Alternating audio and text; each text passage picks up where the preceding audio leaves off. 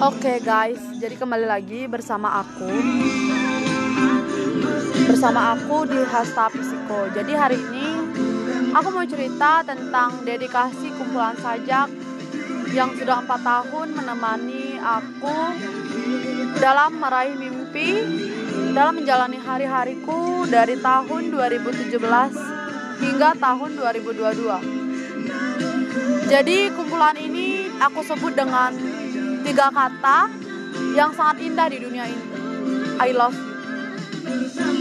Si Kemar telah beri aku buku ini untuk menjadi penulis amatir di setiap pertemuan indah. Terima kasih Eki dan terima kasih Ica. Semua akan tersimpan di antara tumpukan debu ini. Nilai dan harga terukir dalam setitik tinta. Duka sama suka sedih sama tawa, cinta sama benci, gelombang hidup, kapasitas hidup.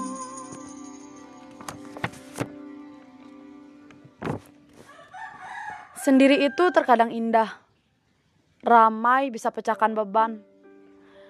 Canda tawa mampu pulihkan hati, tapi mampukah duka ini hilang? Hari ini akan jadi batu. Apakah batu itu akan jadi kapas?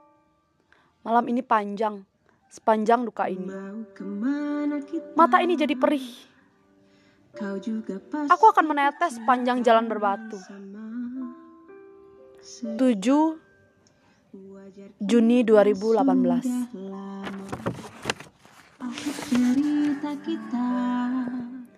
Oke, jadi ini adalah lembaran pertama dari buku ini. Sebenarnya aku membuat lembaran baru ini dengan harapan, harapan yang begitu banyak di tahun 2018 di tahun 2017 hingga ke depannya nanti. Ketika aku memulai untuk kuliah, ketika aku mulai untuk berjuang untuk diriku, aku menulis tulisan ini. Takdir tetaplah takdir.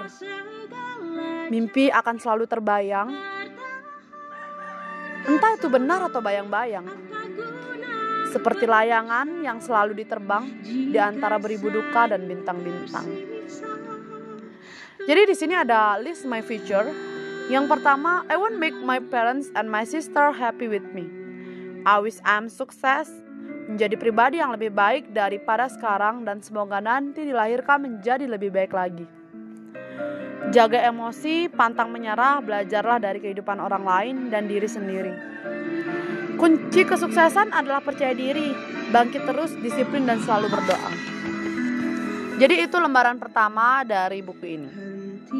Dan lembaran berikutnya adalah kisahku tentang dunia, tentang semesta, tentang kejadian alam, tentang orang-orang hebat, dan tentang sakit hati, tentang patah hati, dan tentang sebuah harapan, tentang sebuah manusia yang angkuh tapi berlagak tangguh. Jadi itu saja yang aku mau ceritakan dulu karena cerita dari buku ini sangat panjang hingga di tahun 2022 tepatnya tanggal 16 bulan Juli aku menutup buku ini dengan rasa syukur dengan rasa harapan dengan kenangan yang indah juga. Terima kasih kepada orang orang-orang yang ada dalam cerita buku ini. Karena tanpa kalian aku tidak menjadi seperti saat ini. Tidak menjadi orang yang kuat tidak menjadi orang yang tangguh tidak menjadi orang yang benar-benar melepas dirinya untuk sang kuasa, untuk sang semesta, dan untuk alamnya. Terima kasih. Sampai jumpa lagi di podcast selanjutnya. Di episode ini, jadi aku akan menceritakan semua apa yang ada di buku ini dan apa arti makna. Bye.